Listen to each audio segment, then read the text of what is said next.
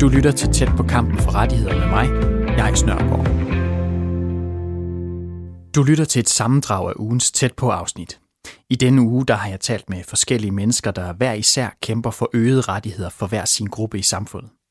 For selvom vi lever i et smørhul med en høj grad af lighed og gode muligheder, så er der stadig områder, hvor vi ikke er i mål. Det mener i hvert fald de fire personer, du skal møde nu. Vi skal snakke om racisme i Danmark, unges ret til en fremtid på en planet, der ikke er forurenet, og hvor vi gør mere for ikke at belaste klimaet, og vi skal høre om dyrene, dem som vi har som kæledyr og dem som vi spiser. For de får måske snart en klar politisk stemme gennem Veganerpartiet, der er tæt på at være opstillingsberettiget. Men først skal vi til Ringkøbing, for her er Emil Slot i gang med at arrangere byens første Pride Festival. Den skal løbe af stablen til sommer næste år, og selv er Emil faktisk heteroseksuel, men alligevel har han besluttet sig for at stå forrest i kampen for LGBTQ plus personers sag i Ringkøbing. Lige præcis det med, at sagen egentlig ikke vedrører ham selv, det talte jeg med ham om, og det er der i samtalen, vi kommer ind her. Der er ligesom en, en baggrundshistorie til, hvorfor, hvorfor du synes, der skulle være øh, en gay pride her i Ringkøbing. For det, det er der jo ikke nu. Øh, tanken er, det, at det er, at den skal løbe af stablen til næste år i august. Ja. Øh, hvor, hvorfor er det, at, øh, hvad er det, der, der ansporer dig til at, at sætte i gang med, at uh, I skulle have en, en gay pride her i Ringkøbing? Altså, øh, til at starte med var det ikke min idé, faktisk. Der var en, der hed Christian, som, øh, som jeg sådan har kontakt til i, igennem andre sociale sammenhænge, altså foreningsliv og sådan, øh, som sagde, at han havde, han havde fået den idé, at han ville gerne lave en pride. Øh, og han havde fået den idé, fordi han synes, at, at der var mange fordomme omkring øh, homoseksuelle primært øh, i, øh, i Ringkøbing Kommune. Øh, og i 2018 havde der været sådan en, en debat i et lokalt dagblad, øh, som handlede om, at der var en, en bekendt, en jeg har gået i gymnasiet med, der skrev, at han følte sig alene, og han følte sig også øh, diskrimineret øh, i, øh, i forskellige sammenhænge, øh, mens han har boet her. Så var han så flyttet til København og havde oplevet, at, øh, der, der var der en helt anden omgangsform øh, omkring ham som homoseksuel. Altså i Ringkøbing, der har han været genstand for sådan en... Øh, lidt sådan en, en joke, der bare kørte hele tiden, at du ved, hvis man snakkede om, at man skulle til fest eller sådan noget, så, skulle, så, så blev det sådan en joke, at han skulle score nogle bestemte eller sådan noget, og på en måde, han ikke sådan øh, bagefter øh, tænkte var okay. Øh, og, øh, og så havde han så også oplevet sådan nogle øh, mere markante ting. Han havde gået og holdt i hånd med en, øh, hans kæreste nede ved Fjordstien, da han, da han kom tilbage til et sølvbryllup. Og, øh, og så var der kommet en og havde sagt, om ikke de ville lade være med det her foran hans børn og sådan. Og det er jo, øh, altså det er jo bare sådan øh, åbenlyst diskrimination. Øh, og så har han skrevet et læsebrev om, at øh, han ville ikke flytte tilbage til Ringkøbing, fordi han følte ikke, det var et sted, hvor han var velkommen. Øh, og så var der sådan en, en debat frem og tilbage mellem øh, lokalpolitikere og borgere, og sådan, hvordan var Ringkøbing Skjern Kommune egentlig som sted, var vi gode nok til at være inkluderende. Og det var noget af det, der gjorde, at ham Christian, som jeg også kendte, han sagde, han ville gerne starte en Pride. Øh, og så, så tænkte jeg, øh, fedt, øh, det vil jeg rigtig gerne sådan bakke op om, sørge for, at han, øh, han kommer godt undervejs, og i kraft af mit arbejde med foreningsliv i kommunen. Øh, og så, så begyndte jeg jo sådan at, at arbejde med ham øh, omkring priden. Øh, og han var i sit øh, sabbatår, øh, og skulle så ud og rejse på et tidspunkt. Og så, øh, så landede den ligesom hos mig. Øh, og ja, det er så fra oktober 2019 og frem til, til marts, at, at vi får lavet foreningen formelt, og vi får øh, søgt nogle fonde og får de første midler fra kommunen til at holde arrangementet. Øh, og i marts, der øh, beslutter vi så, at øh, Christian, som formelt er forperson, øh, det, ham var vi nødt til at have afsat, fordi han er taget ud at rejse. Og det er ikke, øh, fordi Christian er en dårlig person, men han, han skulle ligesom også noget andet. Så så indkaldte vi til en generalforsamling, og så blev jeg valgt som forperson, og vi fik valgt nogle frivillige og nogle talspersoner. Øhm, og det var ligesom også der, at, at det sådan, øh, at vi rigtig gik på vingerne, kan man sige, og øh, der kom lidt øh, omtale i et lokalt dagblad og på DR. Øhm. Ja, altså på, på, på, i den artikel i DR, der står der jo, at, øh, at du er ansporet af, at det var en af dine, dine venner, der, der havde oplevet de her ting. Øhm, men du har sagt til mig, at det, det er egentlig mere sådan en, en, en kammerat, en bekendt. Ja. Øhm, og når nu jeg ser på, nu gik jeg lige op, og at, at trappen her så på døren, der står der jo Emil og, og Karen. ja. på døren. Ikke? Ja. Øh, og Karen, det er din kone. Ja. Øhm, så du er ikke, du er ikke selv øh, homoseksuel øh, eller, eller transkønnet. Eller, ja. altså, så øh, hvad, hvad, hvorfor, hvorfor er det, du kaster dig ud i den her kamp, udover at du lige øh, vælter ind i den her formandspost, fordi den, altså idémanden, han, han er ude at rejse. Altså, hvorfor, hvorfor stiller du dig foran i den her kamp? Ja, det var så også noget, jeg på et tidspunkt skulle tage stilling til, sådan hvor, øh, øh hvorfor synes jeg, det var meningsfuldt at være med, udover at jeg gerne ville hjælpe en med at, øh, at lykkes med det, han havde sat i verden. Øh, og altså, jeg kendte jo så godt Martin, der havde skrevet det her læsebrev, øh, og øh, altså som sagt, så er det en bekendt, vi har gået i gymnasiet sammen, og altså jeg har det rigtig fint med Martin, og vi skriver også lidt sammen omkring det her, jeg holder ham orienteret, og han synes, det er rigtig fedt, at vi laver det, men, men han er ikke en, en, en ven, som jeg sådan ser. Øh, og, øh, og jeg skulle så finde ud af, hvorfor jeg synes, at, at det var fedt at være med, og havde hørt hans historie. Jeg har en farbror, som øh, er vokset op i Midtjylland som øh, homoseksuel, og i et indre miljø, og har sådan skulle øh, finde ud af, øh, hvordan han var okay, øh, og, øh, og hvem øh, han havde det godt med at, at være sammen med, og hvordan han kunne øh, være i, i, i samtale med hans øh, familie på en måde, hvor han følte sig respekteret og, og anerkendt som den han var. Og det har han sådan øh, virkelig haft øh, øh sin kamp i livet med at, at sådan finde sin plads. Øh, så det var selvfølgelig også en historie, jeg sådan var, var bekendt med og tænkte, altså det, jo færre der skal igennem så meget for at, at kunne øh, enes med sin familie, og jo færre der skal igennem det, Martin har oplevet for at føle sig øh, sådan øh, tilpas i en vennegruppe, øh, det bedre. Det, det synes jeg helt klart var værd at kæmpe for. Øh, men derudover så, øh, så tænkte jeg også, øh, at øh, det her det er ikke noget, jeg sådan går ind i øh, på grund af mine egne personlige erfaringer, og heller ikke på grund af Martins eller, eller min farbrors. Øh, Øh, det, det er noget, jeg går ind i, fordi øh, jeg er en del af et fællesskab. Øh, det, er, det er alle, som er en del af et samfund. De er en del af et fællesskab. Og når man er det, så har man et ansvar for, at øh, folk kan føle sig trygge i fællesskabet, og at folk kan øh, leve, øh, som de er, accepteret i det fællesskab. Øh, og det synes jeg også var, var enormt vigtigt egentlig, at gå ind i det med den indstilling, at jeg skal ikke nødvendigvis have min egen personlige øh, vending ud af at komme, komme med i sådan en forening her. Øh, at, at det skal netop ikke være LGBT-personerne selv, der behøver at kæmpe den her kamp. Så vil det heller ikke rigtig give mening. Altså, rettighedskampe er ikke noget, man kæmper for sig selv eller for sin egen øh, lukkede gruppe. Det er noget, man kæmper for som, som samfund og som fællesskab. Og det synes jeg egentlig var en enorm stor motivation også at kunne sådan, øh, øh, komme frem med det synspunkt, at vi, vi skal faktisk øh, alle sammen stå bag den her dagsorden. Men tror du ikke, at mange øh, rettighedsbevægelser, øh, de ligesom i hvert fald i det mindste starter med nogen, hvor det ligesom er dem selv, det går ud over? Du er jo ikke berørt af problemet personligt. Nej.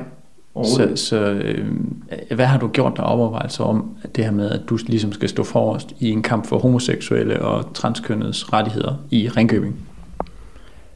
Jamen, jeg, jeg tænker, at, at det ikke er en kamp, øh, jeg kun kæmper for, øh, for dem. Altså, at det er netop også, altså som, som fællesskab, der fejler vi også, hvis ikke vi formår at sørge for, at homoseksuelle og transkønnede kan, kan have gode liv. Øh, fordi der går noget til spilde, hvis, øh, øh, hvis, hvis ikke de, de kan have et lige så godt liv som alle mulige andre. Øh, altså, om ikke andet, så, så skulle det være en, øh, en sorg for folk, der ikke er transkønnede og homoseksuelle, at, at der er nogle medborgere, der har det skidt, øh, og ikke føler, at de kan være en del af fællesskabet. Øh, så, så, så det er jo sådan, øh, min følelse af også at være en del af et, øh, af et ordentligt samfund, øh, som, som, som er vigtigt for mig. Og så vil jeg sige, det er heller ikke fordi, at, at jeg har startet noget her, eller Christian startede noget. Vi har ikke opfundet en dyb tallerken.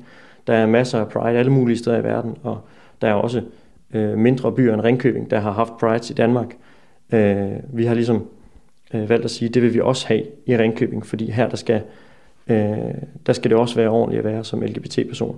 Øh, og mange af de ting, vi laver, er noget, vi sådan er enormt inspireret af fra København. Altså det, det er virkelig nemt at komme som Pride nummer 5, 6, 7 eller 8, hvad vi nu er i, i Danmark, og sige, der er et program, der er nogen, der har lavet, der er en måde, at, øh, du ved, med logo og øh, måden, man, man taler om det på. Der er, der er LGBT i Danmark, der kan fortælle, hvad er problemerne. Der er lavet den her store øh, undersøgelse, øh, projekt Sexus, øh, Statens Serum Institut og Aalborg Universitet omkring diskrimination af øh, LGBT-personer. Så der, der er masser af viden og, og inspiration, vi kan tage. Så vi, vi har ikke på den måde startet noget, tænker jeg. Vi, øh, vi bidrager ind til en, en, øh, en rettighedskamp. Ja.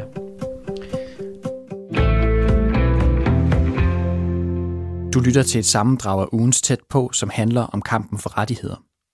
Over hele verden, der går folk lige nu på gaden i demonstrationer i solidaritet med Black Lives Matter-bevægelsen i USA, der kæmper for et opgør med racismen i det amerikanske samfund. Men hvordan ser det egentlig ud med racismen herhjemme? Det har jeg snakket med Musa Mchangama om. Han er forperson for Mino Danmark, der er en interesseorganisation, der kæmper for etniske minoriteters rettigheder i Danmark. Han mener, at de hvide danskere i højere grad skal komme ind i kampen for at forhindre forskelsbehandling på baggrund af f.eks. hudfarve eller etnicitet eller navne. Og det tog jeg en snak med ham om tidligere på ugen. Øh, jeg er sindssygt vred over, øh, at der strukturelt set er forskel på os mennesker, afhængig af, hvordan vi ser ud. Jeg er strukturelt vred over, at det medfører... Øh, hvad hedder det, ulige adgang i sundhedsvæsenet, i uddannelsessystemet, alle mulige forskellige steder i samfundet. Og jeg er ekstremt vred over, at vi sjældent øh, tager samtalen om det, fordi det er så usynligt for langt de fleste majoritetsmennesker. Det er ikke noget, vi anerkender.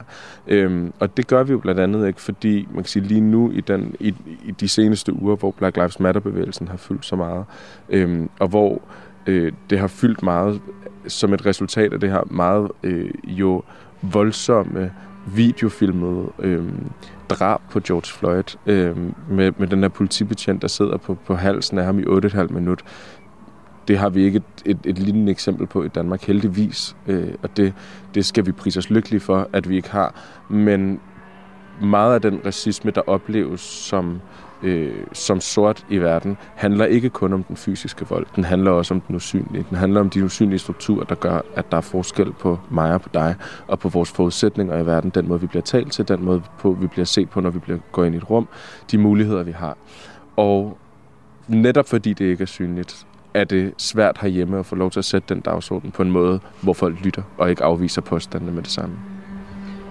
Og, altså, det, jeg tror også, det er fordi, at vi måske i Danmark, altså nu er det jo bare min egen analyse af det, har svært ved at, at forlige os med ordet racisme, når det man måske mere tænker, det er forskelsbehandling. Ikke? Mm. Så altså, tænker du, er det, er det nødvendigvis er det racisme, eller er det øh, mere et, et, et, et tegn på, på sådan en, en, en forskelsbehandling? Mm jeg tror, man skal holde sig for øje, at, øh, at det at tale om racisme er en sindssygt kompleks struktur. Og det er det, fordi det vi taler om, når vi taler om racisme på den her måde, der taler vi om, om strukturel racisme.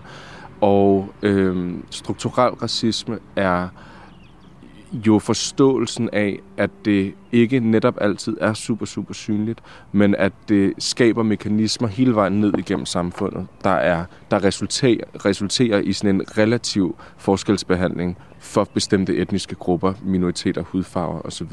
Det i sig selv er jo resultatet af racismen. Oplevelsen, den konkrete oplevelse af, at jeg går ind af en, af en dør øh, og bliver behandlet anderledes eller modtaget anderledes, end du gør, den er ikke nødvendigvis racistisk i sig selv. Altså det er ikke nødvendigvis noget, hvor jeg vil sige, det der det er direkte racisme. For det er der ikke nødvendigvis et sprog for. Det er ikke sikkert, at folk siger noget. Det er ikke sikkert, at folk gør noget. Det er ikke folk, sikkert, at folk de råber og skriger af mig, eller lukker døren i mit ansigt.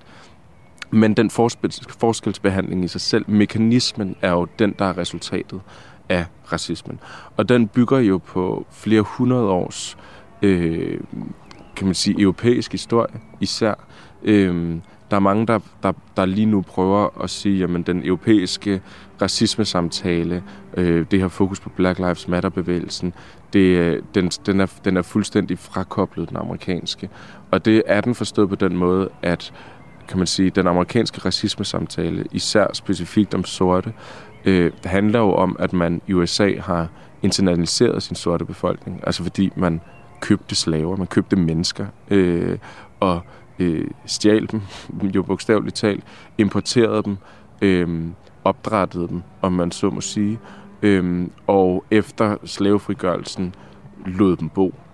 Øh, og derfor er der jo en, en, en, en befolkning, der er internaliseret i den amerikanske kultur, hvorimod i Europa har vi eksporteret vores racisme. Vi har solgt slaverne, vi har solgt menneskerne. Det er os, der er blevet rige på det helt specifikt. Og det betyder, at problemet altid har været et andet sted.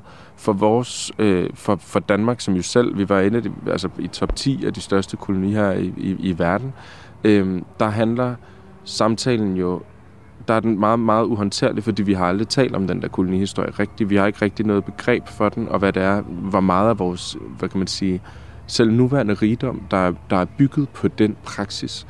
Øhm, og det betyder jo, at det bliver enormt svært nogle gange at have de der samtaler, fordi hvis jeg begynder at i tale sætte overordnede samfundsstrukturer, og folk de kun forventer, at alle mine eksempler de skal handle om, at jeg er blevet slået, eller jeg er blevet sparket, eller et eller andet, så taler vi forbi hinanden, for det er ikke det, der er pointen. Øhm, og derfor er det oftest en kamp op ad bakke, øhm, at skulle have de her samtaler om racisme. Det er det også øh, i og for sig lidt nu, fordi det altid er et forsvar for, hvorvidt det overhovedet er der. Hvorvidt det overhovedet kan give mening overhovedet at have den snak. Og det tror jeg er noget af det, der gør det svært for os rent faktisk at rykke videre, for vi bliver ved med at tale om, hvorvidt det overhovedet er et problem, i stedet for at tale om de problemer, der bliver lagt på bordet.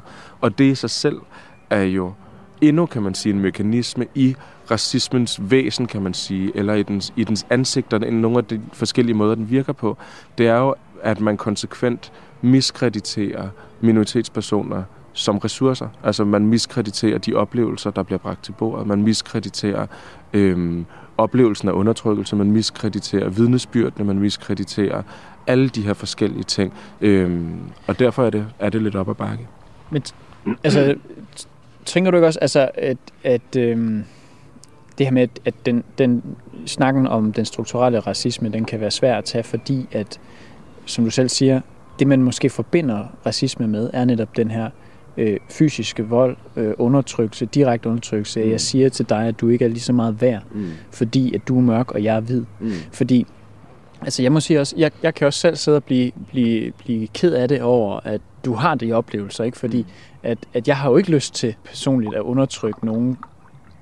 Og det, jeg tænker, at, at den der afvisning kan måske have noget at gøre med, at man føler, at det, at det andet, den den direkte fysiske mm. øh, racisme, det, det, at det, det er måske den forbindelse, man selv har til det. Så dem vil man ikke være, så derfor så siger man, ja, det vil jeg ikke være. Det, det, det afviser jeg. Det findes ikke. Altså, det er jo en enormt ukomfortabel sandhed at få at vide, at man som befolkning ikke har gjort det godt nok. Øhm, sådan helt grundlæggende, men det er jo, det er jo en, det er jo en del er det, vi er ved at lære nu. Det er en del af den samtale, vi er ved at åbne op for nu. I virkeligheden, som, som meget konkret resultat af den her Black Lives Matter-bevægelse, er vi begyndt at have en meget lokal samtale om strukturel racisme herhjemme. Øhm, vi har i hvert fald åbnet den op, øhm, blandt andet fordi vi jo er, er flere, der ligesom insisterer på, at det er der, samtalen skal rykkes hen. Øhm, fordi det, altså man kan sige noget af det, som, som jo også er kendetegnende.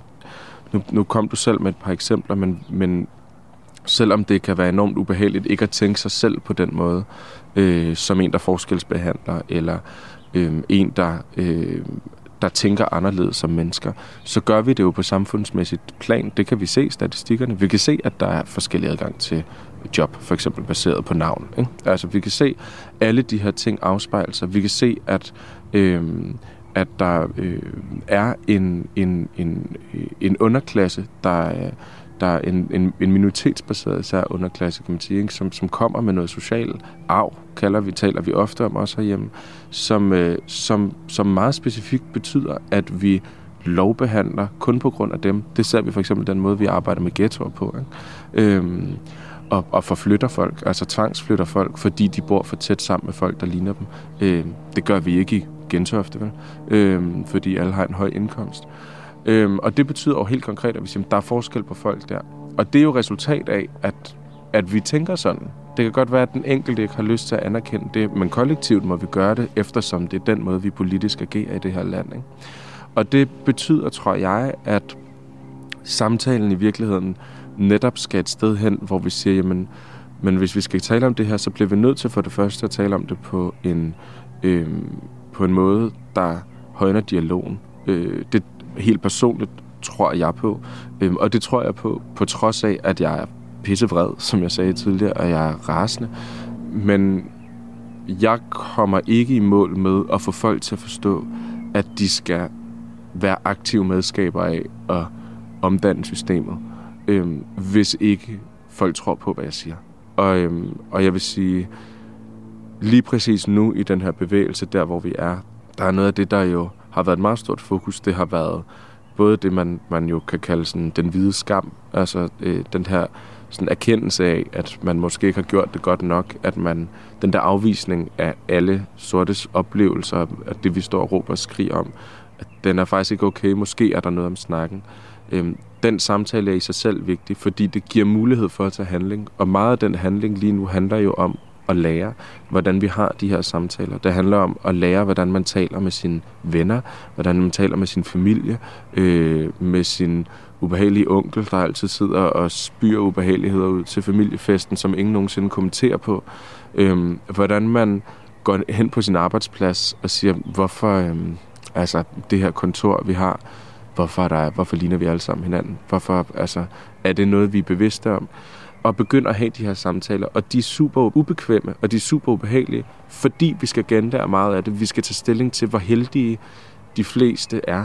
Øhm, og det i sig selv er ikke nødvendigvis skide sjovt, men det er super nødvendigt. Du har også øh, været i deadline og sige, at nu er det også de hvides kamp. Altså de hvide har ansvaret for, at øh, ja, så kommer racismen til livs. Hvad er det, som, som skal til? Altså, hvad, hvad, hvad er det, du mener, når du siger, at de hvide skal tage ansvar? Jamen, det faktisk, at, at, øh, at I skal til at tage ansvar helt konkret for historiefortællingen. Noget af det, man ser i resten af Europa, i Belgien, i Storbritannien, andre steder, som led i den her bevægelse, er jo blandt andet et opgør med ens kolonihistorie. Øh, man ser øh, statuer blive væltet af tidligere øh, slavehandlere, af konger, af fyrster, der har tjent kassen på at slå folk ihjel. Øh, som kong Leopold for eksempel i Belgien. Ikke? Øh, og, øh, og det er jo nogle meget konkrete opgør med historiefortællingen. Og det er det jo blandt andet, fordi vores historiefortælling i Europa, og især måske i Danmark i virkeligheden, har skrevet det, den sorte, det sorte menneske helt ud Altså, vi, vi, vi, det er som om, vi aldrig har eksisteret i Danmark, men vi har været en meget stor del af økonomien. Øhm, og, øh, og vi har været her, og vi er her også nu. Øhm, og den fortælling, vi, den fortælling bliver vi nødt til at finde plads til. Og for at gøre det, så skal vi ikke omskrive historien, men vi skal indskrive folk i den, og vi skal kende folks plads i den, og finde ud af, hvor de passede ind. For det er ikke at være en del af den der historie, det er jo at... Øhm, og sige, at folk slet ikke har eksisteret. Øhm, så det er den ene del af det, og det ansvar skal majoritetsbefolkningen herhjemme være med til at tage. Øhm, og sige, at vi bliver nødt til at kigge, vi bliver nødt til at kigge indad. Og jeg tror, jeg vil i virkeligheden gerne, hvis jeg må læse et citat op, som og den her artikel er fra 2014, skrevet af tre meget, meget dygtige forskere, nemlig Mathias Danbold og Michael Nebling og Måns Bissenbakker. Og den er skrevet i 14, det kunne lige så godt være lige nu, ikke? Øhm, men der er det her citat, som jeg synes er meget godt at hive med sig, som lyder, Strukturel racisme betyder ikke, at et samfund juridisk eller ideologisk behøver at være baseret på en eksplicit racistisk ideologi, eller at magthaverne er racister. Det betyder, at samfundet er indrettet på en måde, som har konkrete diskriminerende effekter, der er relative i forhold til race og etnicitet. At den strukturelle racisme er naturliggjort indebærer, at disse resultater er blevet så almindeliggjort, at de fremstår usynlige, i hvert fald for de af os, som ikke rammes af dem. Og jeg tror, det er noget af det, vi skal, øhm, vi skal have i tale sat. Men så vender vi jo næsten tilbage til det her igen med, hvor, hvor svært det er, når nu man ikke kan se det, og at man ikke har lyst til at være racist. Hvad, hvad er det, din mission er nu, som ny formand i Mino Danmark, for ligesom at hjælpe til? Altså det går ud fra også en del af missionen. Ja. Øhm, jeg tror, at, at, at en, en, en stor del af det jo øh, handler om at være nogle af dem, der både kan være med til at facilitere samtalen, tilbyde nogle redskaber dertil, men i høj grad også at sige, du er ikke nødvendigvis racist, fordi du ikke gør noget, men du er ikke antiracist, hvis du ikke aktivt gør noget. Altså at vende den om i virkeligheden, ikke? og sige, det ikke at gøre noget er det samme som at lade stå til, og den eksisterende struktur lige nu er baseret på en strukturel racisme, som vi skal til livs. Så hvis man ikke tager medejerskab over den rejse, så, under man, så understøtter man et system, der er baseret på det her. Og det betyder ikke, at man sidder derhjemme og hader sorte, og er, er fuldstændig sådan, øh, støtter op om, om, om en sådan ideologisk racisme i sig selv. Men, men det betyder jo, at man er stiltigende deltager. Og det er noget af det, vi skal til livs.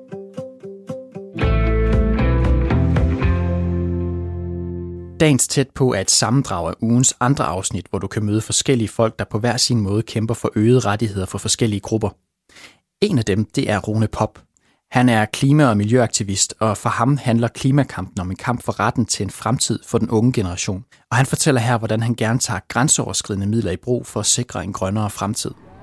Altså, jeg tror, jeg har været bevidst om, det var en kamp, der skulle kæmpes længe, men jeg tror, det blev en kamp for mig øh, der i i slutningen af 2015. Og måske i virkeligheden kom det lidt tidligere, hvor der var nogle af mine venner, der var til øh, Ende Gelente, som er sådan en øh, kulmine protestblokadeaktion i Tyskland, øh, hvor der var fire af mine venner sted i august 2015, og så fortalte de ligesom om det, og, og den der helt vilde oplevelse, det var at være 1500 mennesker, der har en sag, som jeg er jo fuldt ud på linje med er legitim, og, øh, og de så bare, så kan det godt være, at det er ulovligt, men de så bare sætter sig igennem og, og gør det. Altså, øh, og hvis nu man ikke lige kan huske, hvad der skete ja. der, altså hvad var det nu? Øh, jamen, øh, tak for, tak for det. Hvad hedder det? Det var, jamen, det var 1500 mennesker, der deler sig op i, i fem grupper af, af 300 hver cirka. Og så går de ellers øh, forskellige veje ned i den her kæmpe store brunkulsmine. Det er sådan nogle, øh, altså det er sådan nogle åbne miner. Øh, sådan en, man graver bare fra toppen ned, indtil man rammer kullaget, og så graver man det ud, og så brænder man det af på et kraftværk. Øh, og, det, øh, og det lykkedes sådan set for dem at komme ned i minen, og derved at øh, forhindre driften af den mine i, i den tid, de var der. Øh, og det var, det var første gang, jeg havde hørt om, om den slags øh, aktioner, og, og at det så lykkedes også. Altså, det var jo det var helt vildt fedt, og øh, at man samtidig kunne, kunne tegne et godt billede af det i, altså udadtil, øh, så var det jo sådan, det, det, det vil jeg også være med til. Altså, øh, den der fællesskabsfølelse af, at man står så mange mennesker og gør noget sammen, selvom der er andre, der siger, det må I ikke. Altså det, det tror jeg altid, der er noget tiltalende i. Om det så er fra, fra en eller anden øh, folkeskoletid, hvor man gør et eller andet, man ikke må, eller, eller senere. Øh, men her, hvor det så også er legitimt altså, øh, og nødvendigt, vil jeg også sige. Men øhm, det der med, altså det, det lyder som om du, at, at, at der var du sådan ligesom fanget af, af det, det spændende ved at lave en politisk aktion. Mm. Øhm, men sådan selve, selve sagen, altså hvad er, hvad er det, der... Øh, er det sådan en... Du siger også det her med retten til en fremtid. Altså, mm. hvornår begynder du at tænke, at vi skal gøre noget, for ellers har jeg ikke en fremtid? Øh, jamen, men det tror, jeg tror egentlig, det kommer i forlængelse af, at jeg har været sådan optaget af af politisk, øh, eller politisk bevidst, eller hvad man vil kalde det, i, i mange år, at, at der er en masse ting, der på forskellige måder er med til at forhindre, at man øh, har en, en fremtid, eller har i lige så høj grad en fremtid. Altså, der er øh, en udbytning på et arbejdsmarked, der er øh, racisme, der er sexisme, der er forskellige undertrykkelsesformer, og langt de fleste af dem bliver jeg altså ikke ramt særlig meget af her i, i, i Tryk i Danmark, og, og med den baggrund, jeg nu har. Øh, og det her, det var noget, der så ligesom i højere grad kunne jeg mærke, okay, det, det rammer faktisk mig meget mere direkte. Um, hvordan kunne du, hvordan, hvad, hvad var det for nogle scenarier, du stillede op i dit hoved? Jamen, jeg kan godt forestille mig, at hvis... hvis øh, altså, jeg synes, jamen, det bliver, det bliver meget varmere lige pludselig, og måske også meget koldere nogle gange. Øh, bliver meget mere ustadigt med, med, øh, altså med nedbør og så videre, som påvirker den måde, altså den fødevaresikkerhed, vi har. Også, også i et land som Danmark. Altså, vi ser det mange steder i verden, hvor der er altså folk, der, der kommer til at sulte og dør sult, sådan set også på grund af klimaforandringer. Men det synes jeg heller ikke er fuldstændig urealistisk i Danmark, øh, taget i betragtning af, at, at det virkelig kan, kan, kan ændre sig meget. Altså vi fik en forsmag på det for et par år siden, med, hvor der var 7-8 uger midt i sommeren uden noget ned på overhovedet. Så det synes jeg er skræmmende. Øh, så er det også skræmmende, hvordan det, altså, hvordan det påvirker øh, folk rundt omkring i verden. Altså, at det bliver, kommer til at føre til massiv flygtningestrømme, og hvis ikke vi kan finde ud af at, at håndtere, at der kommer nogle få tusind til Danmark, altså hvordan skal vi så håndtere det andet?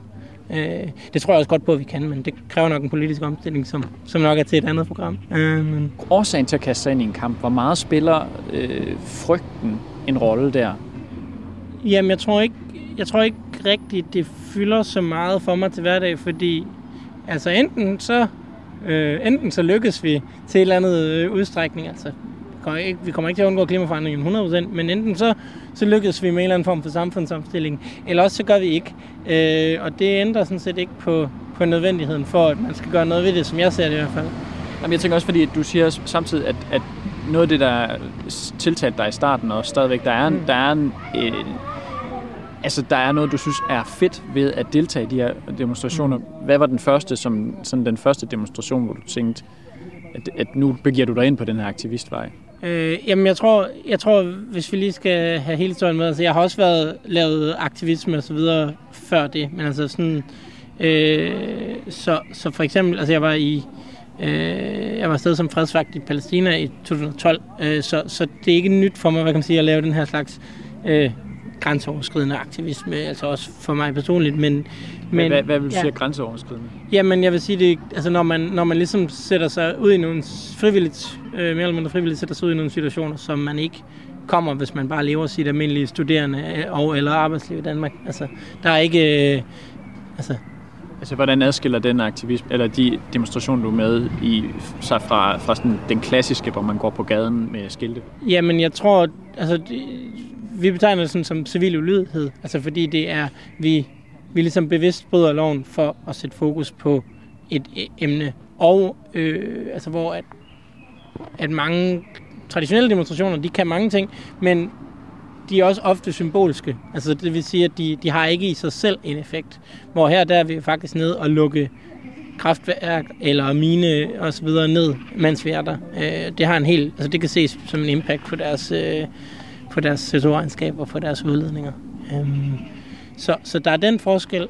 Øhm, så tror jeg også, der er en anden forskel, hvor at, øh, at de her aktioner, det er tit, så bor vi sammen i, en, i sådan en stor lejr, og der er noget, vi forbereder os sammen, vi danner nogle små grupper, som man går der med, øh, som ligesom er en sådan, øh, basisenhed i, i øh, aktionen, øh, som man ligesom bruger til at også bagefter bearbejde, hvad har man oplevet, og snakke om det, hvad kan vi gøre bedre næste gang. Øh, kunne vi tænke os øh, også man tager beslutninger i de her grupper under aktionen, hvor at til til normal demonstration, så, så går man måske med sin cykel, eller så går man sammen med en gruppe venner, og det og råber med på nogle kampråb, men, men det er ikke i samme grad øh, noget, der følger en bagefter på samme måde, synes jeg. Men, men så det, det, tilbage til det der med, hvornår du, hvornår du så er med til den første. Altså, lad os tage den første øh, grønne eller klima- og miljødemonstration øh, af den her art. Hvornår var det? Mm. Altså de her aktioner? Øh, jamen det var, det var så til Nigelandi i 2016, øh, hvor vi organiserede en bus derned, og øh, var en 60-70 stykker fra Danmark. Øh, og øh, det var så i, i den østlige del af Tyskland, øh, i, i de kulreserver, de har der. Og der, øh, jamen, så, så mødtes vi, tog bussen derned og snakkede lidt i bussen om, hvad er det, vi, vi skal ned til, og hvorfor er brun kul dårligt, og øh, folk opreklamerede, hvis der var andre forskellige projekter, de havde gang i. Øh, ja, så kommer vi derned, så er der noget aktionstræning, altså hvor vi så i de her øh, grupper, øh, vi har dannet, forbereder os på, hvordan, øh, hvordan marcherer vi i sådan en stor gruppe. Og, øh, hvordan gør man, altså hvordan ja. forbereder I på det? Altså hvordan foregår det helt konkret? Jamen så er vi øh, de der 3, 4, 500 mennesker, der legner op i sådan en stor øh, finger, kalder man det. Altså det er sådan en femfinger taktik, øh, hvor man ligesom har en hånd, som er selve aktionen, og så har man, ja det er jo svært at se på, på radio, men så hver finger, der ligesom er,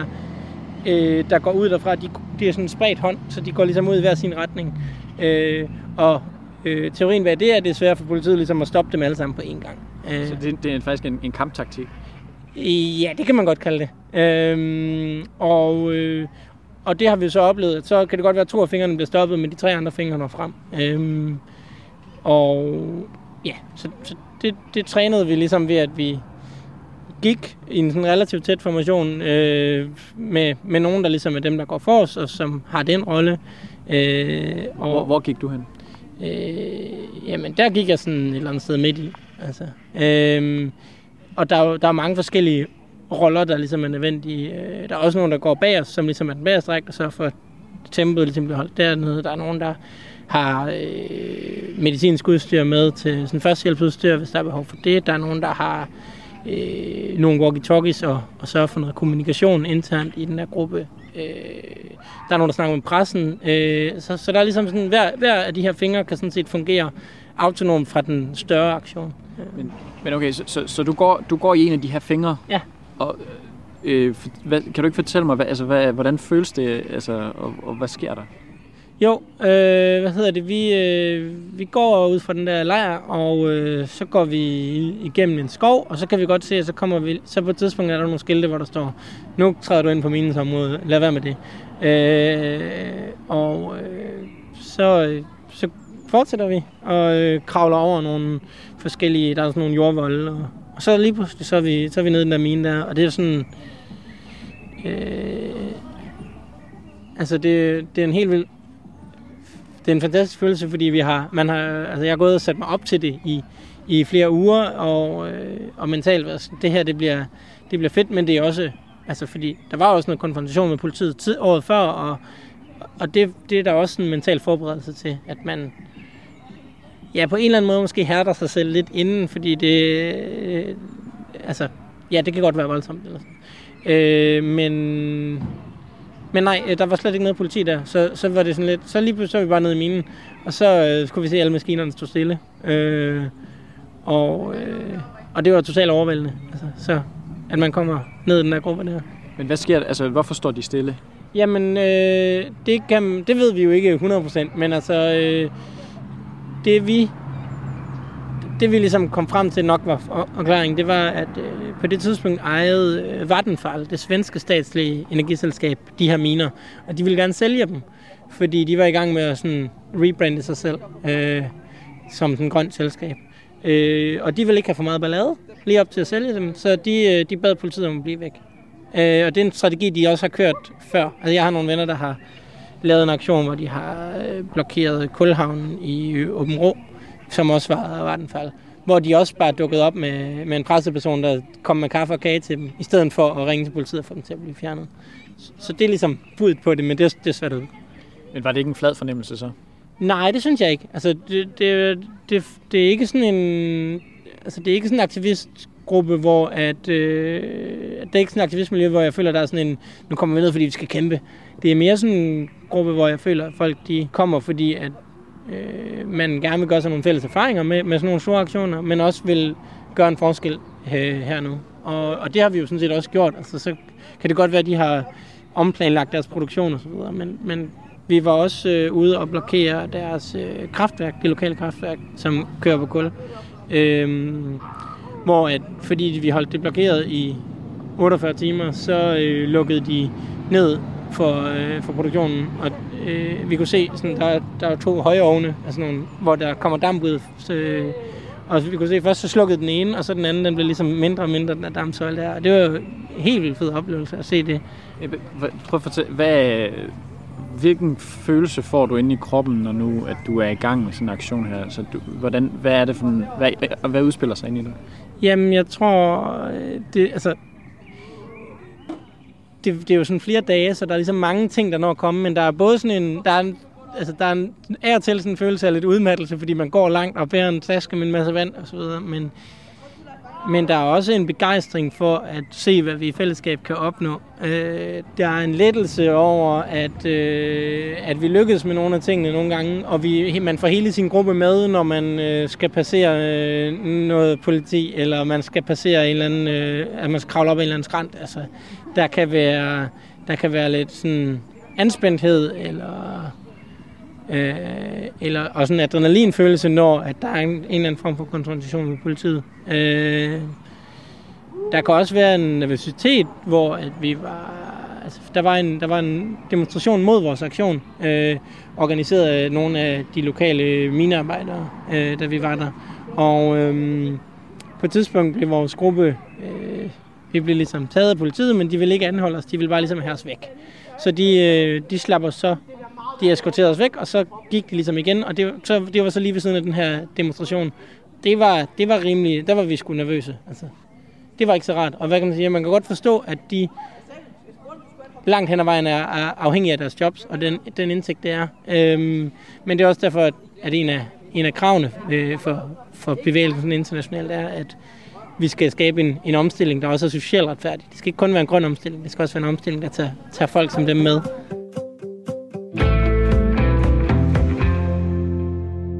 Til slut i dagens sammendrag af ugens tæt på om kampen for rettigheder skal du møde forpersonen i et nyt politisk parti, der snart har samlet så mange vælgererklæringer ind, at du vil kunne finde dem på stemmesedlen ved næste folketingsvalg.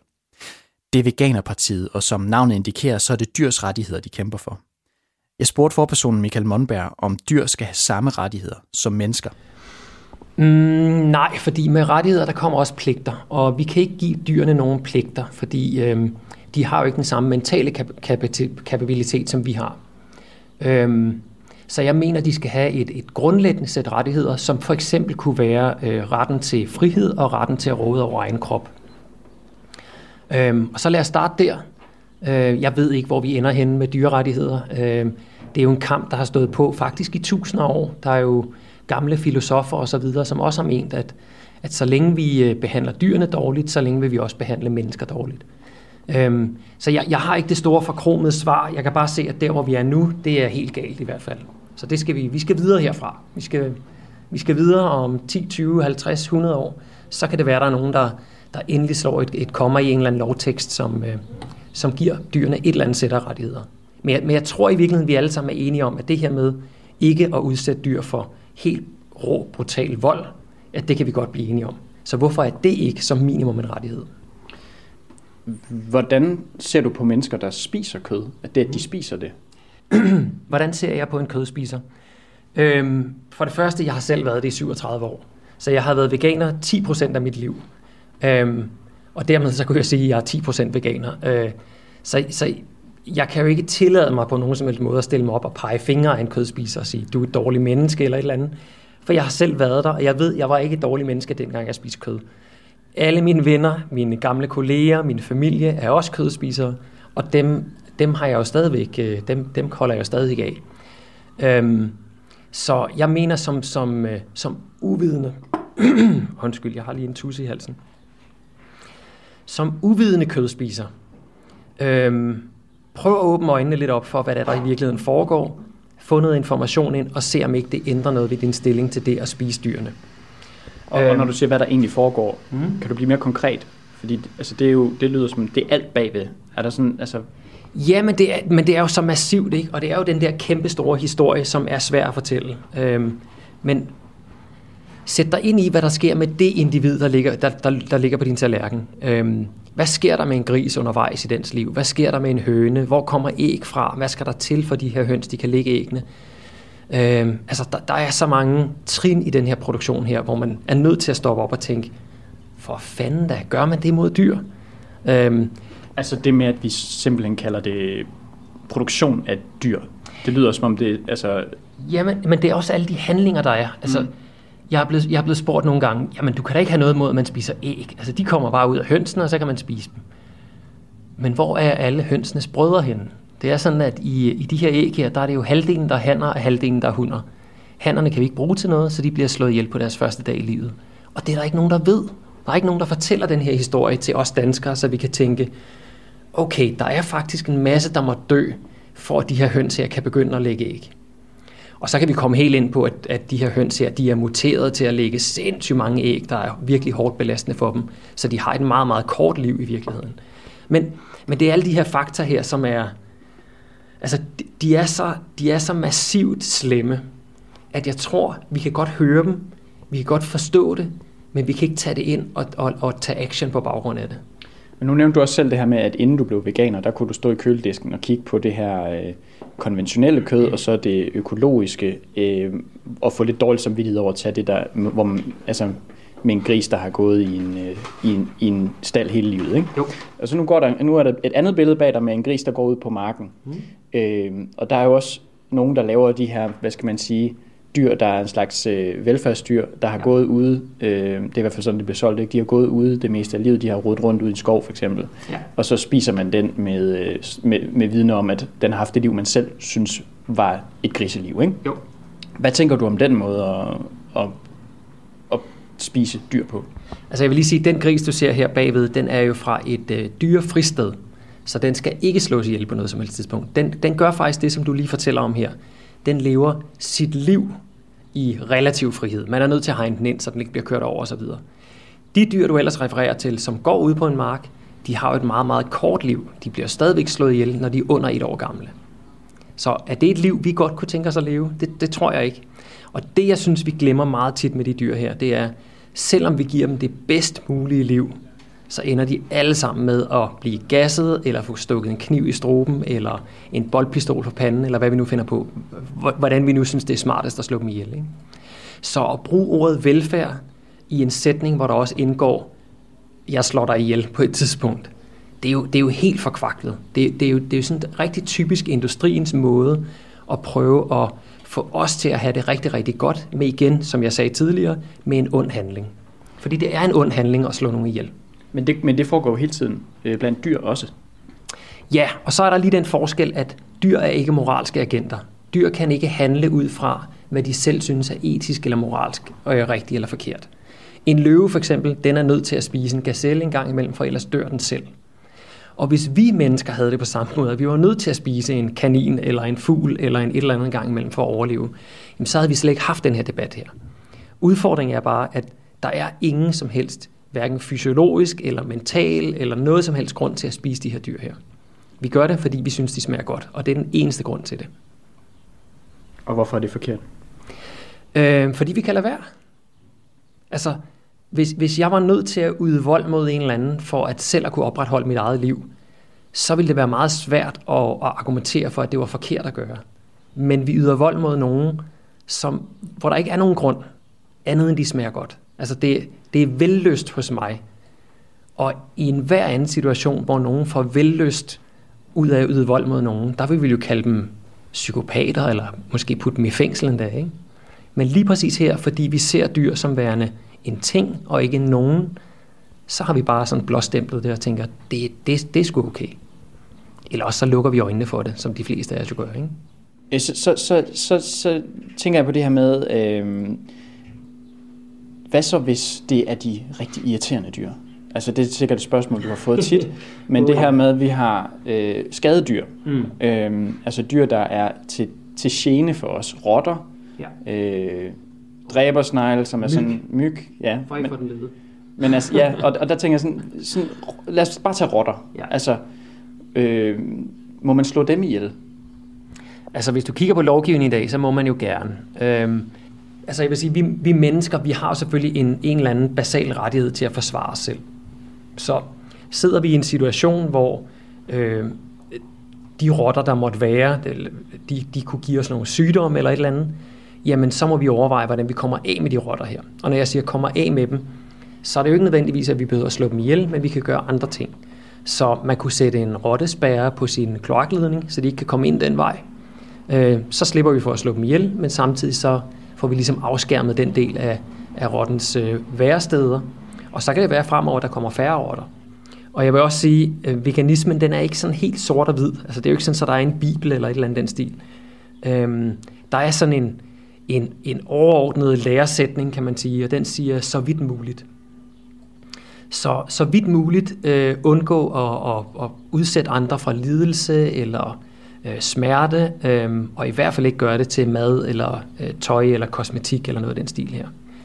Så jeg synes, vi skal stille, vi skal bare spørge os selv, øh, rotter, det er et, et, et pattedyr ligesom os selv. Vi ved, at de danner relationer og har familie osv. Øhm, hvis en rotte den kastede sig over mig og ville bide mig og alt muligt andet, så kunne jeg godt finde på at, at, at, at slå den ihjel med, hvad jeg nu havde af forhåndværende remedier. Men bare sådan at, øh, at slå øh, tusinder eller hundredtusinder af rotter ihjel, fordi de er generende, det synes jeg, det vil jeg gerne stille spørgsmålstegn ved. Nu har du også sagt uh, slå ihjel og død og mange ja. gange i det her interview. Jeg synes, vi skal kalde tingene, hvad de er. Mm. Ja. Og, og jeg tænker, det, hvad, hvad, hvad gør jeg overvejelser omkring den her øh, provokation, der kan være for at vide, at man er morder? Øh, man er jo ikke morder, men man har, man har betalt nogen for at begå et drab. Det, den vil jeg gerne lige uh, rise ud her. Mm. Øh, og så vil jeg lige sige øvrigt, ifølge den danske straffelov, så hvis, hvis jeg betaler nogen for at gå et, begå et drab på en anden person, så er jeg også selv medskyldig. Men, det, Men du siger det, det på den her måde, er du så ikke bange for at tabe folk? Øhm, jo, øh, selvfølgelig. Jeg ved godt, at der er rigtig mange, der står af her, fordi det er provokerende, det her. Men det, jeg, jeg begår en lille finte en gang imellem, når, når folk siger til mig, jamen, I siger det forkert. Jeg er veganer, I gør det hele forkert. Hvis I gjorde det på en anden måde, så ville jeg måske have været lydhør. Og så spørger jeg tilbage, fortæl mig, hvordan jeg, skal, hvordan jeg skal bede dig om at redde dyrene og være god ved dem. Fordi så kan jeg sige det til dig, og så vil du hjælpe mig med at redde dyrene og være god ved dem. Og jeg får ikke noget svar tilbage. Så der er ikke nogen, der kan fortælle mig, hvordan jeg skal gøre. Jeg kan kun høre, at det vi siger og gør hele tiden, det er forkert. Og er det forkert, fordi at det vækker en følelse? Er det forkert, fordi det er provokerende i sig selv? Eller er det forkert, fordi det er fuldstændig uvirksomt? Øhm, vi ser, at veganismen er en af de hurtigst voksende trends i hele verden. Og det tror jeg er, fordi dyrrettighedsbevægelsen er nået dertil, hvor for det første er den stor nok nu, men den er også begyndt at bruge nogle virkemidler, øhm, som er skarpe og som er provokerende. Og, og det kan godt være, at der er nogen, der bliver skræmt væk af det, men der er også andre, der stopper op og tænker, okay, måske er der noget om det her. Så nu handler det ikke om, at man skal smøre et eller andet brun på sit øh, brød, fordi at så bliver man sundere. Nu handler det om, at vi er nødt til at stoppe med at udnytte andre tænkende, følende individer. Du har lyttet til et sammendrag af ugens Tæt på, og du kan høre vores andre programmer i Tæt på-serien på radio4.dk, i vores app eller der, hvor du normalt finder podcasts.